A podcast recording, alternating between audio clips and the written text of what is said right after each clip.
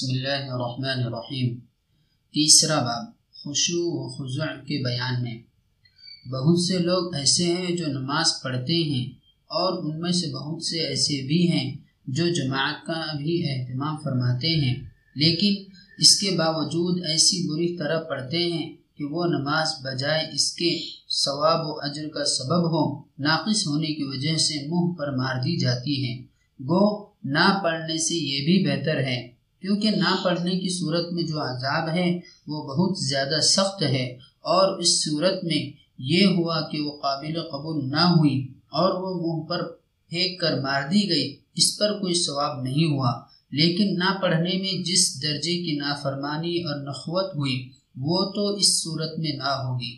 البتہ یہ مناسب ہے کہ جب آدمی وقت خرچ کرے، کاروبار چھوڑے، مشقت اٹھائے تو اس کی کوشش کرنا چاہیے کہ جتنی زیادہ سے زیادہ وزنی اور قیمتی پڑ سکے، اس میں کوتاہی نہ کرے حق تعالی شاہ کا ارشاد ہے، گو وہ قربانی کے بارے میں ہے مگر احکام تو سارے ایک ہی ہیں۔ فرماتے ہیں، لن ينال الله لحومها ولا دماؤها ولكن يناله التقوى منكم نہ تو حق تعالی شانہ کے پاس ان کا گوشت پہنچتا ہے، نہ ان کا خون، بلکہ اس کے پاس تو تمہارا تقوی اور اخلاص پہنچتا ہے۔ بس جس درجے کا اخلاص ہوگا، اسی درجے کی مقبولیت ہوگی۔ حضرت معاذ رضی اللہ تعالیٰ عنہ فرماتے ہیں کہ حضور صلی اللہ علیہ وسلم نے جب مجھے یمن کو بھیجا، تو میں نے آخری وصیت کی درخواست کی۔ حضور نے ارشاد فرمایا کہ دین کے ہر کام میں اخلاص کا اہتمام کرنا کہ اخلاص سے تھوڑا عمل بھی بہت کچھ ہے۔ حضرت صوبان رضی اللہ تعالیٰ عنہ کہتے ہیں کہ میں نے حضور صلی اللہ علیہ وسلم کو یہ فرماتے ہوئے سنا، اخلاص والوں کے لیے خوشحالی ہو کہ وہ ہدایت کے چراغ ہے ان کی وجہ سے سخت سے سخت فتنے دور ہو جاتے ہیں۔ ایک حدیث میں حضور صلی اللہ علیہ وسلم کا ارشاد ہے کہ اللہ تعالی ضعیف لوگوں کی برکت سے اس امت کی مدد فرماتے ہیں۔ نیز ان کی دعا سے، ان کی نماز سے، ان کے اخلاص سے۔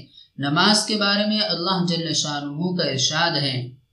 فويل للمصلين الذين هم عن صلاتهم ساهون۔ الذين هم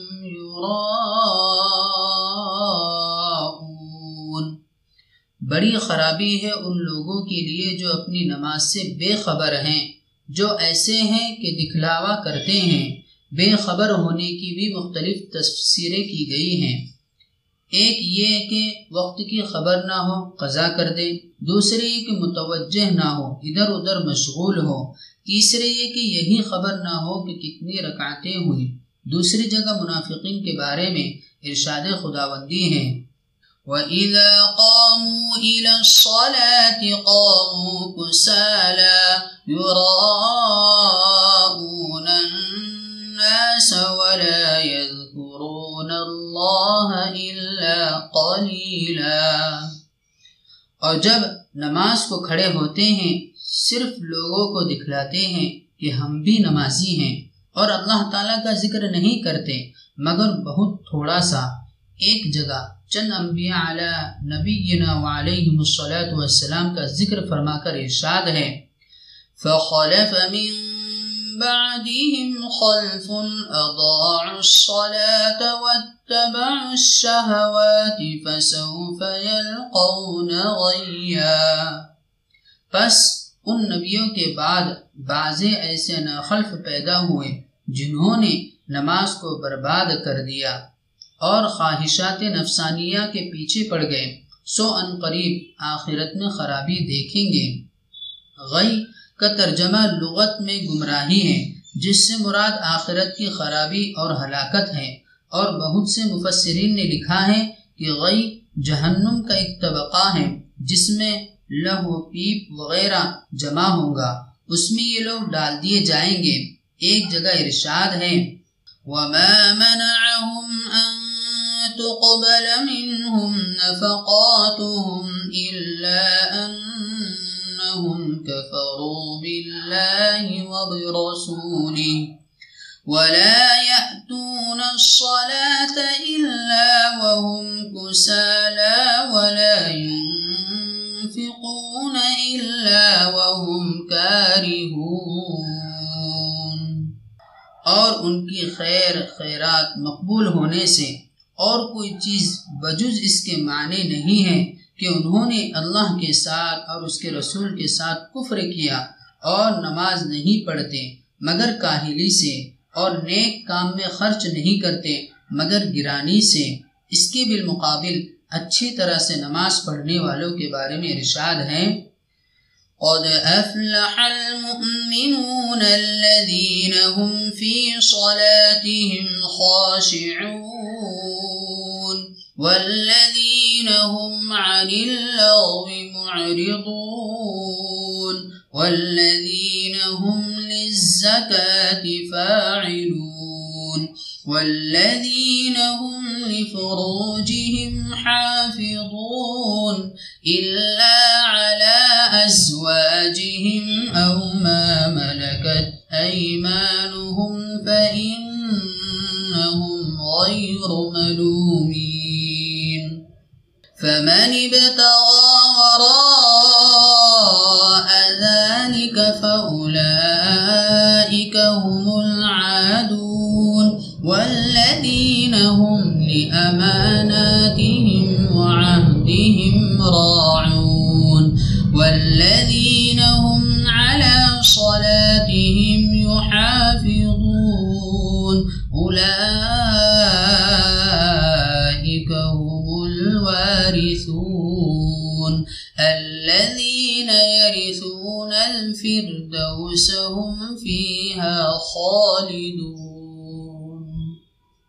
بے شک کامیابی اور فلاح کو پہنچ گئے وہ مومن جو اپنی نماز میں خشوع کرنے والے ہیں اور وہ لوگ جو لغویات سے اعراض کرنے والے ہیں اور جو زکوٰۃ ادا کرنے والے ہیں یا اپنے اخلاق کو درست کرنے والے ہیں اور جو اپنی شرمگاہوں کی حفاظت کرنے والے ہیں، بجز اپنی بیویوں اور باندیوں کے کہ ان میں کوئی حرج نہیں۔ البتہ جو ان کے علاوہ اور جگہ شہوت پوری کرنا چاہیں، وہ لوگ حد سے گزرنے والے ہیں اور جو اپنی نمازوں کا اہتمام کرنے والے ہیں، یہی لوگ جنت کے وارث ہیں جو فردوس کے وارث بنیں گے اور ہمیشہ ہمیشہ اس میں رہیں گے۔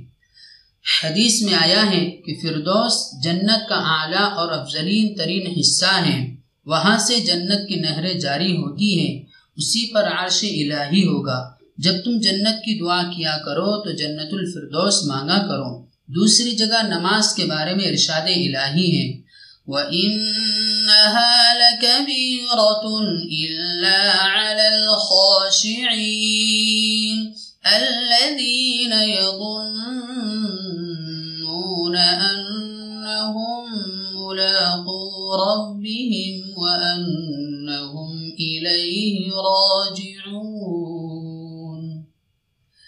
بے شک نماز دشوار ہے مگر جن کے دلوں میں خشوع ہیں، ان پر کچھ بھی دشوار نہیں۔ یہ وہ لوگ ہیں جو اس کا خیال رکھتے ہیں کہ بلا شبہ وہ اپنے رب سے قیامت میں ملنے والے ہیں اور مرنے کے بعد اسی کی طرف لوٹ جانے والے ہیں۔ ایسی ہی لوگوں کی تعریف میں ایک جگہ ارشاد خداوندی ہے في بيوت أذن الله أن ترفع ويذكر فيها اسمه يسبح له فيها بالغدو والآصال. رجال لا تلهيهم تجارة ولا بيع عن ذكر الله وإقام الصلاة وإيتاء الزكاة يخافون يوما تتقلب فيه القلوب والأبصار ليجزيهم الله أحسن ما عملوا ويزيدهم من فضله والله يرزق من يشاء بغير حساب۔ ایسے گھروں میں جن کے متعلق اللہ جل شاہ نے حکم فرما دیا ہے کہ ان کا ادب کیا جائے، ان کو بلند کیا جائے، ان میں صبح شام اللہ کی تسبیح کرتے ہیں۔ ایسے لوگ جن کو اللہ کی یاد سے اور نماز کے قائم کرنے سے اور زکوٰۃ کے دینے سے نہ تو تجارت غافل کرتی ہیں، نہ خرید و فروخت غفلت میں ڈالتی ہیں۔ وہ لوگ ایسے دن کی سختی سے ڈرتے ہیں جس دن دل اور آنکھیں الٹ پلٹ ہو جائیں گی یعنی قیامت کا دن۔ اور وہ لوگ یہ سب کچھ اس لیے کرتے ہیں کہ اللہ جل شاہ ان کے نیک اعمال کا بدلہ ان کو عطا فرماوے۔ اور بدلے سے بھی بہت زیادہ انعامات اپنے فضل سے عطا فرما دے۔ اور اللہ جل شاہ تو جس کو چاہتے ہیں، بے شمار عطا فرما دیتے ہیں۔ تو وہ داتا ہے کہ دینے کے لیے در تیری رحمت کے ہیں، ہر دم کھلے۔ حضرت عبداللہ ابن عباس رضی اللہ عنہ فرماتے ہیں کہ نماز قائم کرنے سے یہ مراد ہے کہ اس کے رکوع سجدے کو اچھی طرح ادا کرے۔ ہما تن متوجہ رہے۔ اور خشوع کے ساتھ پڑھیں۔ قطادہ رضی اللہ تعالی عنہ سے بھی یہی نقل کیا گیا کہ نماز کا قائم کرنا، اس کے اوقات کی حفاظت رکھنا اور وضو کا اور رکوع، سجدے کا اچھی طرح ادا کرنا یعنی جہاں جہاں قرآن شریف میں اقام الصلاح اور یقیمون الصلاح آیا ہے، یہی مراد ہے۔ یہی لوگ ہیں جن کی تعریف دوسری جگہ ان الفاظ سے ارشاد فرمائی گئی۔ وعباد الرحمن الذين يمشون على الأرض هونا وإذا خاطبهم الجاهلون قالوا سلاما والذين يبيتون لربهم سجدا وقياما اور رحمان کے خاص بندے وہ ہیں جو چلتے ہیں زمین پر عاجزی سے، اکڑ کر نہیں چلتے۔ اور جب ان سے جاہل لوگ جہالت کی بات کرتے ہیں، تو کہتے ہیں کہ سلام یعنی سلامتی کی بات کرتے ہیں۔ جو رفع شر کی ہو، یا بس دور ہی سے سلام۔ اور یہ وہ لوگ ہیں جو رات بھر گزار دیتے ہیں اپنے رب کے لیے سجدہ کرنے میں اور نماز میں کھڑے رہنے میں۔ آگے ان کے اور چند اوصاف ذکر فرمانے کے بعد ارشاد ہے اولئیک یجزون الغرفة بما صبروا ويلقون فيها تحية وسلاما خالدين فيها حسنت مستقرا ومقاما۔ یہی لوگ ہیں جن کو جنت کے بالا خانے بدلے میں دیے جائیں گے، اس لیے کہ انہوں نے صبر کیا یا دین پر ثابت قدم رہے۔ اور جنت میں فرشتوں کی طرف سے دعا و سلام سے استقبال کیا جاوے گا۔ اور اس جنت میں وہ ہمیشہ ہمیشہ رہیں گے۔ کیا ہی اچھا ٹھکانہ اور رہنے کی جگہ ہے۔ دوسری جگہ ارشاد ہے۔ يدخلون عليهم باب سلام عليكم بما صبرتم فنعم عقب الدار اور فرشتے ہر دروازے سے داخل ہوں گے اور کہیں گے کہ تم پر سلام اور سلامتی ہو، اس وجہ سے کہ تم نے صبر کیا۔ دین پر مضبوط اور ثابت قدم رہے بس کیا ہی اچھا انجام کا ٹھکانہ ہے۔ انہی لوگوں کی تعریف دوسری جگہ ان الفاظ سے فرمائی گئی ہیں تتجافى جنوبهم عن المضاجع يدعون ربهم خوفا وطمعا ومما رزقناهم ينفقون۔ فلا تعلم نفس ما أخفي لهم من قرة أعين جزاء بما كانوا يعملون۔ وہ لوگ ایسے ہیں کہ رات کو ان کے پہلو، ان کے خواب گاہوں اور بستروں سے علیحدہ رہتے ہیں، کہ نماز پڑھتے رہتے ہیں اور اپنے رب کو عذاب کے ڈر سے اور ثواب کی امید میں پکارتے رہتے ہیں اور ہماری عطا کی ہوئی چیزوں سے خرچ کرتے ہیں، سو کوئی بھی نہیں جانتا کہ ایسے لوگوں کے لیے کیا کچھ آنکھوں کی ٹھنڈک کا سامان پردہ غیب میں موجود ہے، جو بدلہ ہے ان کے نیک اعمال کا۔ انہی لوگوں کی شان میں ہیں ان المتقین فی جنات وعیون آخذین ما آتاهم ربهم إنهم كانوا قبل ذلك محسنين. كانوا قليلا من الليل ما يهجعون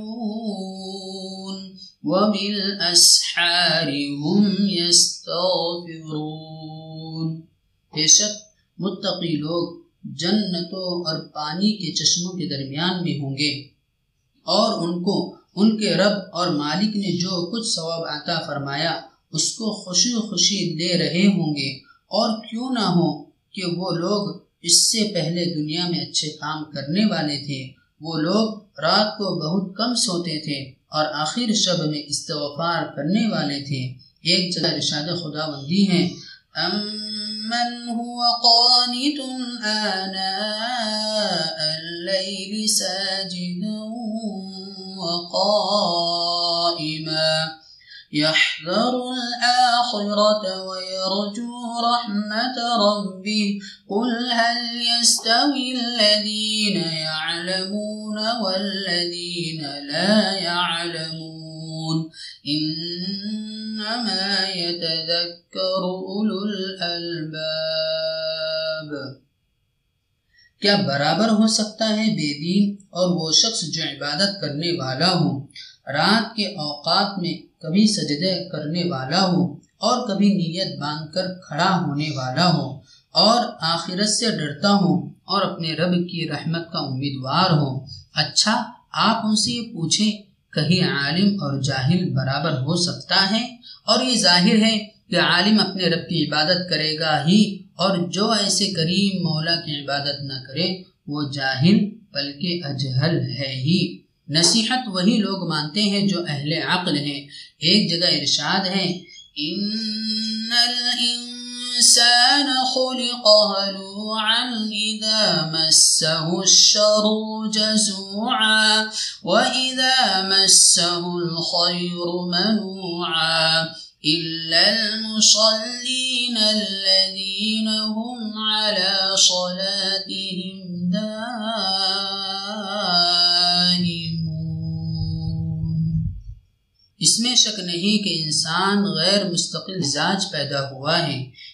کہ جب کوئی تکلیف اس کو پہنچتی ہے تو بہت زیادہ گھبرا جاتا ہے اور جب کوئی بھلائی پہنچتی ہے تو بخل کرنے لگتا ہے کہ دوسرے کو یہ بھلائی نہ پہنچے۔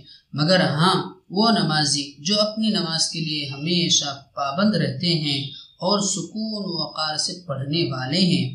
آگے، ان کی اور چند صفتیں ذکر فرمانے کے بعد ارشاد ہیں والذین هم على صلاتهم يحافظون اولئك في جنات مکرمون اور وہ لوگ جو اپنی نمازوں کی حفاظت کرتے ہیں، یہی لوگ ہیں جن کا جنتوں میں اکرام کیا جائے گا۔ ان کے علاوہ اور بھی بہت سی آیات ہیں جن میں نماز کا حکم اور نمازیوں کے فضائل، ان کے اعزاز و اکرام ذکر فرمائے گئے ہیں۔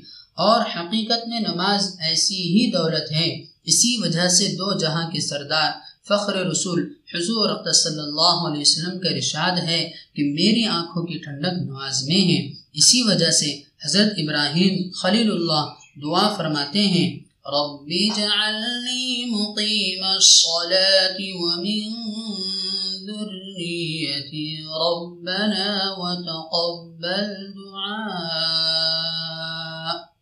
اے رب مجھ کو نماز کا خاص اہتمام کرنے والا بنا دے اور میری اولاد میں سے بھی ایسے لوگ پیدا فرما جو اہتمام کرنے والے ہوں۔ اے ہمارے رب، میری یہ دعا قبول فرما لے۔ اللہ کا ایک پیارا نبی جس کو خلیل ہونے کا بھی فخر ہے، وہ نماز کی پابندی اور اہتمام کو اللہ ہی سے مانگتا ہے۔ خود حق سبحانہ و تقدس اپنے محبوب سید المرسلین صلی اللہ علیہ وسلم کو حکم فرماتے ہیں۔ وأمر أهلك بالصلاة واصطبر عليها لا نسألك رزقا نحن نرزقك والعاقبة للتقوى اپنے گھر والوں کو نماز کا حکم کرتے رہیے اور خود بھی اس کا اہتمام کیجیے۔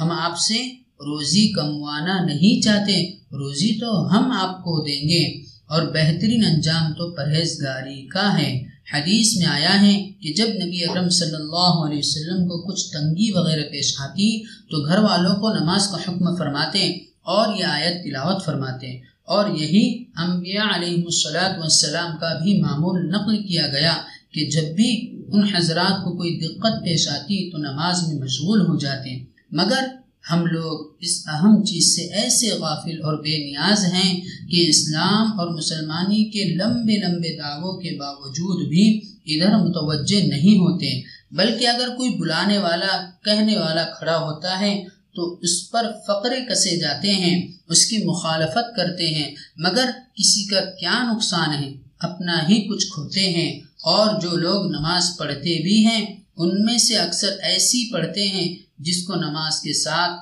اگر مذاق سے تعبیر کیا جائے تو بیجا نہیں، کہ اکثر ارکان بھی پورے طور سے ادا نہیں کرتے۔ خشوع خضو کا تو کیا ذکر ہے؟ حالانکہ نبی اکرم صلی اللہ علیہ وسلم کا نمونہ سامنے ہے۔ وہ ہر کام خود کر کے دکھلا گئے۔ صحابہ اکرام رضی اللہ تعالی عنہم اجمعین کے کارنامے بھی سامنے ہیں۔ ان کا اتباع کرنا چاہیے۔ صحابہ کرام رضی اللہ عنہم اجمعین کے چند قصے، نمونے کے طور پر اپنے رسالے، حکایات صحابہ میں لکھ چکا ہوں۔ یہاں ان کے اعادے کی ضرورت نہیں۔ اس رسالے میں چند حکایات صوفیہ کی نقل کرنے کے بعد چند ارشادات نبی اکرم صلی اللہ علیہ وسلم کے نقل کرتا ہوں۔ حکایات، شیخ عبد الواحد رحمۃ اللہ علیہ مشہور صوفیہ میں ہیں۔ فرماتے ہیں کہ ایک روز نیند کا اتنا غلبہ ہوا کہ رات کو اوراد و وظائف بھی چھوٹ گئے۔ خواب میں دیکھا کہ ایک نہایت حسین، خوبصورت لڑکی سبز ریشمی لباس پہنے ہوئے ہیں، جس کے پاؤں کی جوتیاں تک تسبیح میں مشغول ہیں۔ کہتی ہیں کہ میری طلب میں کوشش کر، میں تیری طلب میں ہوں۔ اس کے بعد اس نے چند شوقیہ شعر پڑھے۔ یہ خواب سے اٹھے اور قسم کھالی کے رات کو نہیں سوؤں گا۔ کہتے ہیں کہ چالیس برس تک صبح کی نماز عشاء کے وضو سے پڑھی۔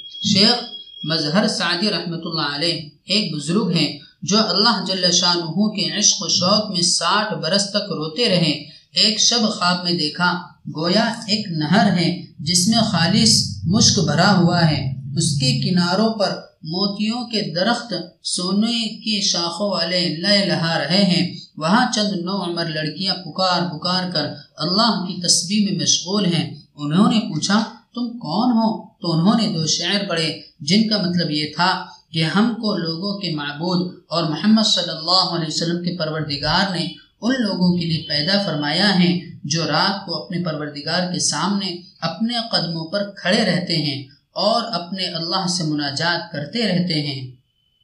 ابو بکر ضریر رحمۃ اللہ علیہ کہتے ہیں کہ میرے پاس ایک نوجوان غلام رہتا تھا، دن بھر روزہ رکھتا تھا اور رات بھر تحجد پڑتا ایک دن وہ میرے پاس آیا اور بیان کیا کہ میں اتفاق سے آج رات سو گیا تھا۔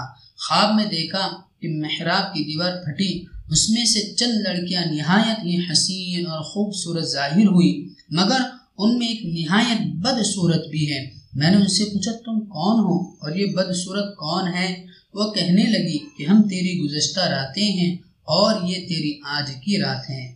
ایک بزرگ رحمۃ اللہ علیہ کہتے ہیں کہ مجھے ایک رات ایسی گہری نیند آئی کہ آنکھ نہ کھلی۔ میں نے خواب میں دیکھا کہ ایک ایسی ہی نہایت حسین لڑکی ہے کہ اس جیسی میں نے عمر بھر نہیں دیکھی۔ اس میں سے ایسی تیز خوشبو مہک رہی تھی کہ میں نے ویسی خوشبو بھی کبھی نہیں سونگھی اس نے مجھے کاغذ کا پرچہ دیا جس میں تین شعر لکھے ہوئے تھے۔ ان کا مطلب یہ تھا کہ تو نیند کی لذت میں مشغول ہو کر جنت کے بالا خانوں سے غافل ہو گیا، جہاں ہمیشہ تجھے رہنا ہے اور موت بھی وہاں نہ آئیں گی۔ اپنی نیند سے اٹھ سونے سے تحجد میں قرآن پڑھنا بہت بہتر ہے۔ کہتے ہیں، اس کے بعد سے جب مجھے نیند آتی اور یہ اشعار یاد آتے تو نیند بالکل اڑ جاتی۔ حضرت عطا رحمۃ اللہ علیہ فرماتے ہیں کہ میں ایک بازار میں گیا، وہاں ایک باندھی فروخت ہو رہی تھی جو دیوانی بتائی جاتی تھی۔ میں نے سات دینار میں خرید لی اور اپنے گھر لے آیا۔ جب رات کا کچھ حصہ گزرا تو میں نے دیکھا کہ وہ اٹھی، وضو کیا، نماز شروع کر دی اور نماز میں اس کی یہ حالت تھی کہ روتے روتے اس کا دم نکلا جاتا تھا۔ نماز کے بعد اس نے مناجات شروع کی اور یہ کہنے لگی، اے میرے معبود آپ کو مجھ سے محبت رکھنے کی قسم مجھ پر رحم فرما۔ میں نے اس سے کہا کہ اس طرح نہ کہو، یوں کہو کہ مجھے تجھ سے محبت رکھنے کی قسم۔ یہ سن کر اس کو غصہ آ گیا اور کہنے لگی، قسم ہے اس ذات کی، اگر اس کو مجھ سے محبت نہ ہوتی تو تجھے میٹی نیند نہ سلاتا اور مجھے یوں نہ کھڑا رکھتا۔ پھر اوندے منہ گر گئی اور چند شعر پڑھے، جن کا مطلب یہ ہے بے چینی بڑھتی جا رہی ہے اور دل جلا جا رہا ہے اور صبر جاتا رہا اور آنسو بہ رہے ہیں، اس شخص کو کس طرح قرار آ سکتا ہے جس کو عشق و شوق اور استراب سے بے چینی ہے؟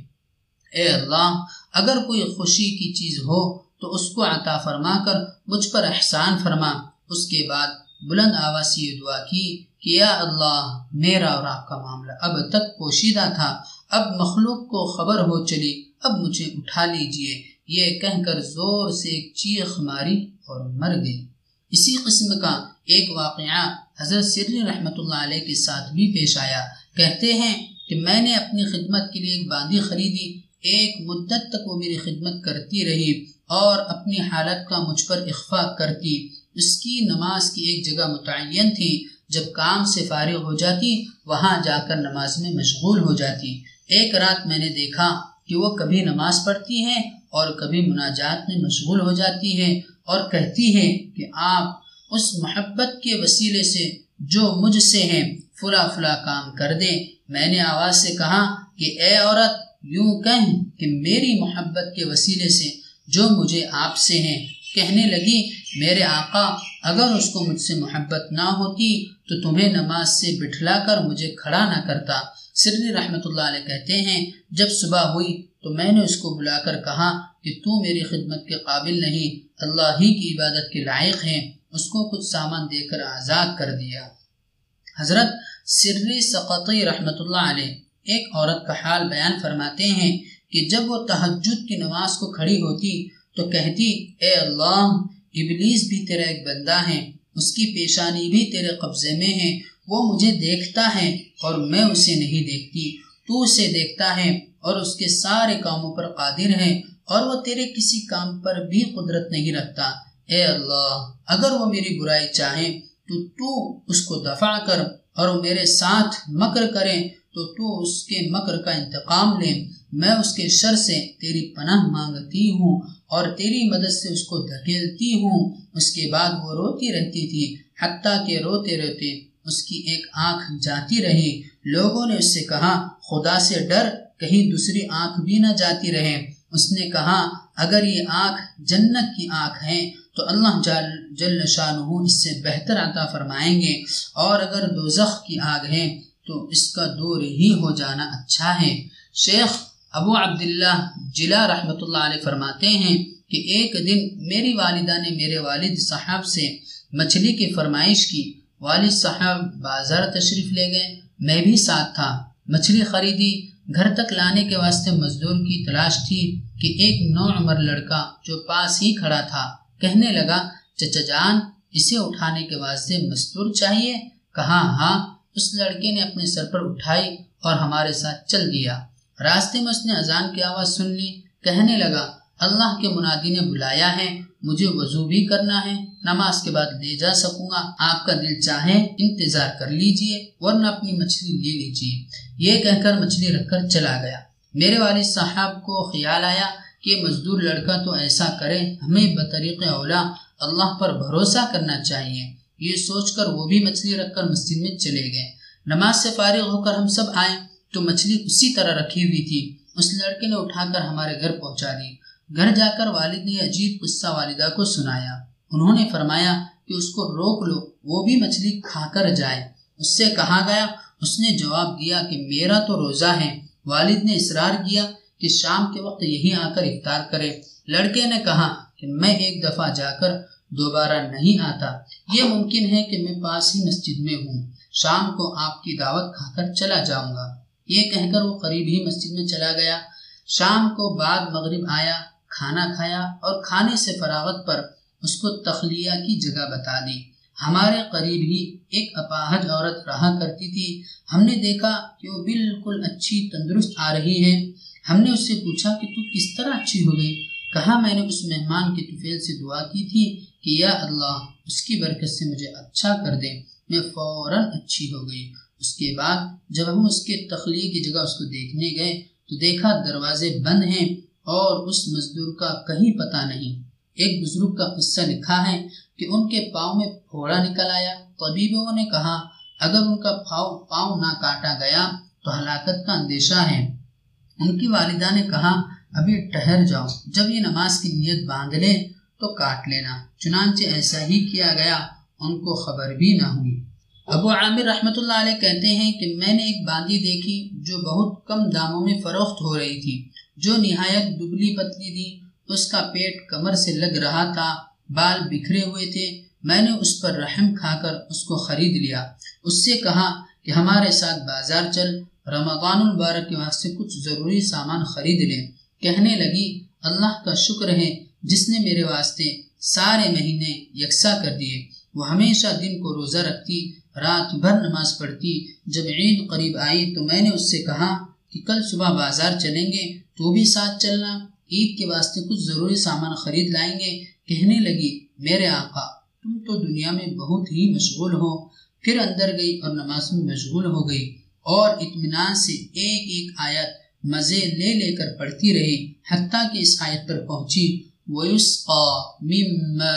شدید اس آیت کو بار بار پڑھتی رہی اور ایک چیخ مار کر اس دنیا سے رخصت ہو گئی۔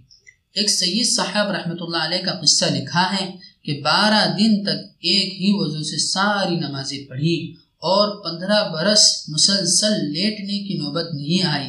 کئی کئی دن ایسے گزر جاتے کہ کوئی چیز چکھنے کی نوبت نہ آتی تھی۔ اہل مجاہدہ لوگوں میں اس قسم کے واقعات بہت کثرت سے ملتے ہیں۔ ان حضرات کی حرص تو بہت ہی مشکل ہے کہ اللہ جل شاہ نے ان کو پیدا ہی اس لیے فرمایا تھا۔ لیکن جو حضرات اکابر کے دوسرے دینی اور دنیاوی مشاغل میں مشغول تھے، ان کی حرص بھی ہم جیسوں کو دشوار ہے۔ حضرت عمر ابن عبدالعزیز رحمۃ اللہ علیہ سے سب ہی واقف ہیں۔ خلفۂ راشدین کے بعد انہی کا شمار ہیں۔ ان کی بیوی فرماتی ہے کہ عمر ابن عبدالعزیز رحمۃ اللہ علیہ سے زیادہ وضو اور نماز میں مشغول ہونے والے تو اور بھی ہوں گے، مگر ان سے زیادہ اللہ سے ڈرنے والا میں نے نہیں دیکھا۔ عشاء کی نماز کے بعد مسلح پر بیٹھ جاتے اور دعا کے واسطے ہاتھ اٹھاتے اور روتے رہتے۔ حتیٰ کہ اس میں نیند کا غلبہ ہوتا تو آنکھ لگ جاتی۔ پھر جب کھل جاتی تو اسی طرح روتے رہتے اور دعا میں مشغول رہتے۔ کہتے ہیں کہ خلافت کے بعد سے جنابت کی غسل کی نوبت نہیں آئی۔ ان کی بیوی عبد الملک بادشاہ کی بیٹی تھی۔ باپ نے بہت سے زیورات جواہر دیے تھے اور ایک ایسا ہیرا دیا تھا جس کی نظیر نہیں تھی۔ آپ نے بیوی سے فرمایا کہ دو باتوں میں سے ایک اختیار کر، یا تو وہ زیور سارا اللہ واسطے دے کہ میں اس کو بیت المال میں داخل کر دوں، یا مجھ سے جدائی اختیار کر لے۔ مجھے یہ چیز ناگوار ہے کہ میں اور مال ایک گھر میں جمع رہیں۔ بیوی نے عرض کیا کہ وہ مال کیا چیز ہے؟ میں اس سے کئی چند زیادہ پر بھی آپ کو نہیں چھوڑ سکتی۔ یہ کہہ کر سب مال بیت المال میں داخل کر دیا۔ آپ کے انتقال کے بعد جب عبد الملک کا بیٹا یزید بادشاہ بنا تو اس نے بہن سے دریافت کیا، اگر تم چاہو تو تمہارا زیور تم کو واپس دے دیا جائے۔ فرمانے لگی کہ جب میں نے ان کی زندگی میں اس سے خوش نہ ہوئی تو ان کے مرنے کے بعد اس سے کیا خوش ہوں گی؟ مرض الوفات میں آپ نے لوگوں سے پوچھا کہ اس مرض کے متعلق کیا خیال کیا جاتا ہے؟ کسی نے عرض کیا کہ لوگ جادو سمجھ رہے ہیں۔ آپ نے فرمایا، یہ نہیں۔ پھر ایک غلام کو بلایا۔ اس سے پوچھا کہ مجھے زہر دینے پر کس چیز نے تجھے آمادہ کیا؟ اس نے کہا، سو دینار دیے گئے اور آزادی کا وعدہ کیا گیا۔ آپ نے فرمایا، وہ دینار لے آ۔ اس نے حاضر کیے۔ آپ نے ان کو بیت المال میں داخل فرمایا اور اس غلام سے فرمایا تو کسی ایسی جگہ چلا جا جہاں تجھے کوئی نہ دیکھے۔ انتقال کے وقت مسلمہ رحمۃ اللہ علیہ کی خدمت میں حاضر ہوئے اور عرض کیا کہ آپ نے اولاد کے ساتھ ایسا کیا جو کسی نے بھی نہیں کیا ہوگا۔ آپ کے تیرہ بیٹے ہیں اور ان کے لیے نہ کوئی روپیہ آپ نے چھوڑا، نہ پیسہ۔ آپ نے فرمایا، ذرا مجھے بٹھا دو۔ بیٹھ کر فرمایا، میں نے ان کا کوئی حق نہیں دبایا۔ اور جو دوسروں کا حق تھا، ان کو دیا نہیں۔ بس اگر وہ صالح ہے تو اللہ جل شاہ خود ان کا کفیل ہے۔ قرآن پاک میں ارشاد ہے وہ الصالحین وہی متولی ہے صلحاء کا۔ اور اگر وہ گنہ گار ہیں، تو ان کی مجھے بھی کچھ پرواہ نہیں۔ حضرت امام احمد بن حنبل رحمۃ اللہ علیہ، جو فقہ کے مشہور امام ہیں، دن بھر مسائل میں مشغول رہنے کے باوجود رات دن میں تین سو رکعات نفل پڑھتے تھے۔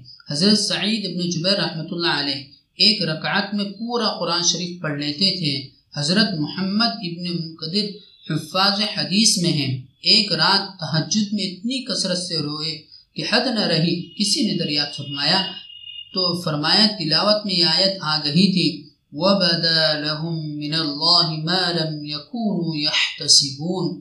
آخر تک اوپر کی آیت میں اس کا ذکر ہے کہ اگر ظلم کرنے والوں کے پاس دنیا کی ساری چیزیں ہوں اور اتنی ہی ان کے ساتھ اور بھی ہوں، تو وہ قیامت کے دن سخت عذاب سے چھوٹنے کے لیے فدیے کے طور پر دینے لگے اس کے بعد ارشاد ہے وہ بدا لہم اور اللہ کی طرف سے ان کے لیے عذاب کا وہ معاملہ پیش آئے گا، جس کا ان کو گمان بھی نہ تھا۔ اور اس وقت ان کو اپنی تمام بدعمالیاں ظاہر ہو جائیں گی۔ حضرت محمد ابن منقدر رحمۃ اللہ علیہ وفات کے وقت بھی گھبرا رہے تھے اور فرماتے تھے کہ اسی آیت سے ڈر رہا ہوں۔ حضرت ثابت بنانی رحمۃ اللہ علیہ حفاظ حدیث میں ہیں، اس قدر کثرت سے اللہ کے سامنے روتے تھے کہ حد نہیں، کسی نے عرض کیا کہ آنکھیں جاتی رہیں گی۔ فرمایا کہ ان آنکھوں سے اگر اگر روئے نہیں تو فائدہ ہی کیا ہے؟ اس کی دعا کیا کرتے تھے؟ کہ یا اللہ، اگر کسی کو قبر میں نماز پڑھنے کی اجازت ہو سکتی ہو، تو مجھے بھی ہو جائے۔ ابو سنان رحمۃ اللہ علیہ کہتے ہیں، خدا کی قسم، میں ان لوگوں میں تھا جنہوں نے ثابت کو دفن کیا۔ دفن کرتے ہوئے لحد کی ایک اینٹ گر گئی، تو میں نے دیکھا کہ وہ کھڑے نماز پڑھ رہے ہیں۔ میں نے اپنے ساتھی سے کہا، دیکھو یہ کیا ہو رہا ہے۔ اس نے مجھے کہا، چپ ہو جاؤ۔ جب دفن کر چکے تو ان کے گھر جا کر ان کی بیٹی سے دریافت کیا کہ ثابت کا عمل کیا تھا۔ انہوں نے کہا، کیوں پوچھتے ہو؟ ہم نے قصہ بیان کیا۔ اس نے کہا، پچاس برس شب بیداری کی اور صبح کو ہمیشہ یہ دعا کیا کرتے تھے کہ یا اللہ، اگر تو کسی کو یہ دولت عطا فرمائے کہ وہ قبر میں نماز پڑھے تو مجھے بھی عطا فرما۔ حضرت امام ابو یوسف رحمۃ اللہ علیہ باوجود علمی مشاغل کے جو سب کو معلوم ہیں اور ان کے علاوہ قاضی القضات ہونے کی وجہ سے قضاء کے مشاغل علیحدہ تھے، لیکن پھر بھی دو سو رکعات نوافل روزانہ پڑھتے تھے۔ حضرت محمد ابن نصر مشہور محدث ہیں، اس انہماق سے نماز پڑھتے تھے، جس کی نظیر مشکل ہے۔ ایک مرتبہ پیشانی پر ایک بھیڑ نے نماز میں کاٹا، جس کی وجہ سے خون بھی نکل آیا، مگر نہ حرکت ہوئی، نہ خوشو و خضو میں کوئی فرق آیا۔ کہتے ہیں کہ نماز میں لکڑی کی طرح سے بے حرکت کھڑے رہتے تھے۔ حضرت بقی ابن مخلد روزانہ تحجد اور وطر کی تیرہ رکعت میں ایک قرآن شریف پڑھا کرتے تھے۔ حضرت ناد ایک محدث ہیں۔ ان کے شاگرد کہتے ہیں کہ وہ بہت ہی زیادہ روتے تھے۔ ایک مرتبہ صبح کو ہمیں سبق پڑھاتے رہے، اس کے بعد وضو وغیرہ سے فارغ ہو کر زوال تک نفلیں پڑھتے رہے۔ دوپہر کو گھر تشریف لے گئے اور تھوڑی دیر میں آ کر ظہور کی نماز پڑھائی اور عصر تک نفلوں میں مشغول رہے۔ پھر عصر کی نماز پڑھائی اور قرآن پاک کی تلاوت مغرب تک فرماتے رہے۔ مغرب کے بعد واپس چلا آیا۔ میں نے ان کی ایک پڑوسی سے تعجب سے کہا کہ یہ شخص کس قدر عبادت کرنے والے ہیں۔ اس نے کہا کہ ستر برس سے ان کا یہی عمل ہے اور اگر تم ان کی رات کی عبادت دیکھو گے تو اور بھی تعجب کرو گے۔ مسروق رحمت اللہ علیہ ایک محدث ہیں۔ ان کی بیوی کہتی ہیں کہ وہ نمازیں اتنی لمبی لمبی پڑھا کرتے تھے کہ ان کی پنڈلیوں پر ہمیشہ اس کی وجہ سے ورم رہتا تھا۔ اور میں ان کے پیچھے بیٹھی ہوئی ان کے حال پر ترس کھا کر رویا کرتی تھی۔ سعید بن المسیب رحمۃ اللہ علیہ کہہ کے متعلق لکھا ہے کہ پچاس برس تک عشاء اور صبح کی نماز ایک ہی وضو سے پڑھی۔ اور ابو المعتمر رحمۃ اللہ علیہ کے متعلق لکھا ہے کہ چالیس برس تک ایسا ہی کیا۔ امام غزالی رحمۃ اللہ علیہ نے ابو طالب مکی رحمۃ اللہ علیہ سے نقل کیا ہے کہ چالیس تابعیوں سے تواتر کے طریق سے اس بات ثابت ہے کہ وہ عشاء کی وجہ سے صبح کی نماز پڑھتے تھے۔ ان میں سے بعض کا چالیس برس تک یہی عمل رہا۔ حضرت امام اعظم رحمۃ اللہ علیہ کے متعلق تو بہت کثرت سے یہ چیز نقل کی گئی کہ تیس یا چالیس یا پچاس برس عشاء اور صبح کی نماز ایک وضو سے پڑھی۔ اور یہ اختلاف نقل کرنے والوں کے اختلاف کی وجہ سے ہے کہ جس شخص کو جتنے سال کا علم ہوا، اتنا ہی نقل کیا ہے۔ لکھا ہے کہ آپ کا معمول صرف دوپہر کو تھوڑی دیر سونے کا تھا۔ اور یہ ارشاد فرمایا کرتے تھے کہ دوپہر کے سونے کا حدیث میں حکم ہے، حضرت امام شافعی رحمۃ اللہ علیہ صاحب کا معمول تھا کہ رمضان میں ساٹھ قرآن شریف نماز میں پڑھتے تھے۔ ایک شخص کہتے ہیں کہ میں کئی روز تک امام شافعی رحمۃ اللہ علیہ کے یہاں رہا، صرف رات کو تھوڑی دیر سوتے تھے۔ حضرت امام احمد بن حمبر رحمۃ اللہ علیہ تین سو رکعتیں روزانہ پڑھتے تھے۔ اور جب بادشاہ وقت نے آپ کے کوڑے لگوائے اور اس کی وجہ سے ضعف بہت ہو گیا، تو ڈیڑھ سو رکعتیں رہ گئی تھی اور تقریباً اسی برس کی عمر تھی۔ ابو عطاب سلمی رحمۃ اللہ علیہ چالیس برس تک رات بھر روتے تھے اور دن کو ہمیشہ روزہ رکھتے ان کے علاوہ ہزاروں لاکھوں واقعات، توفیق والوں کے کتب تواریخ میں مذکور ہیں۔ جن کا احاطہ بھی دشوار ہے۔ نمونہ اور مثال کے لیے یہی واقعات کافی ہیں۔ حق تعالی شانو مجھے بھی اور ناظرین کو بھی ان حضرات کے اتباع کا کچھ حصہ اپنے لطف و فضل سے نصیب فرمائے۔ آمین۔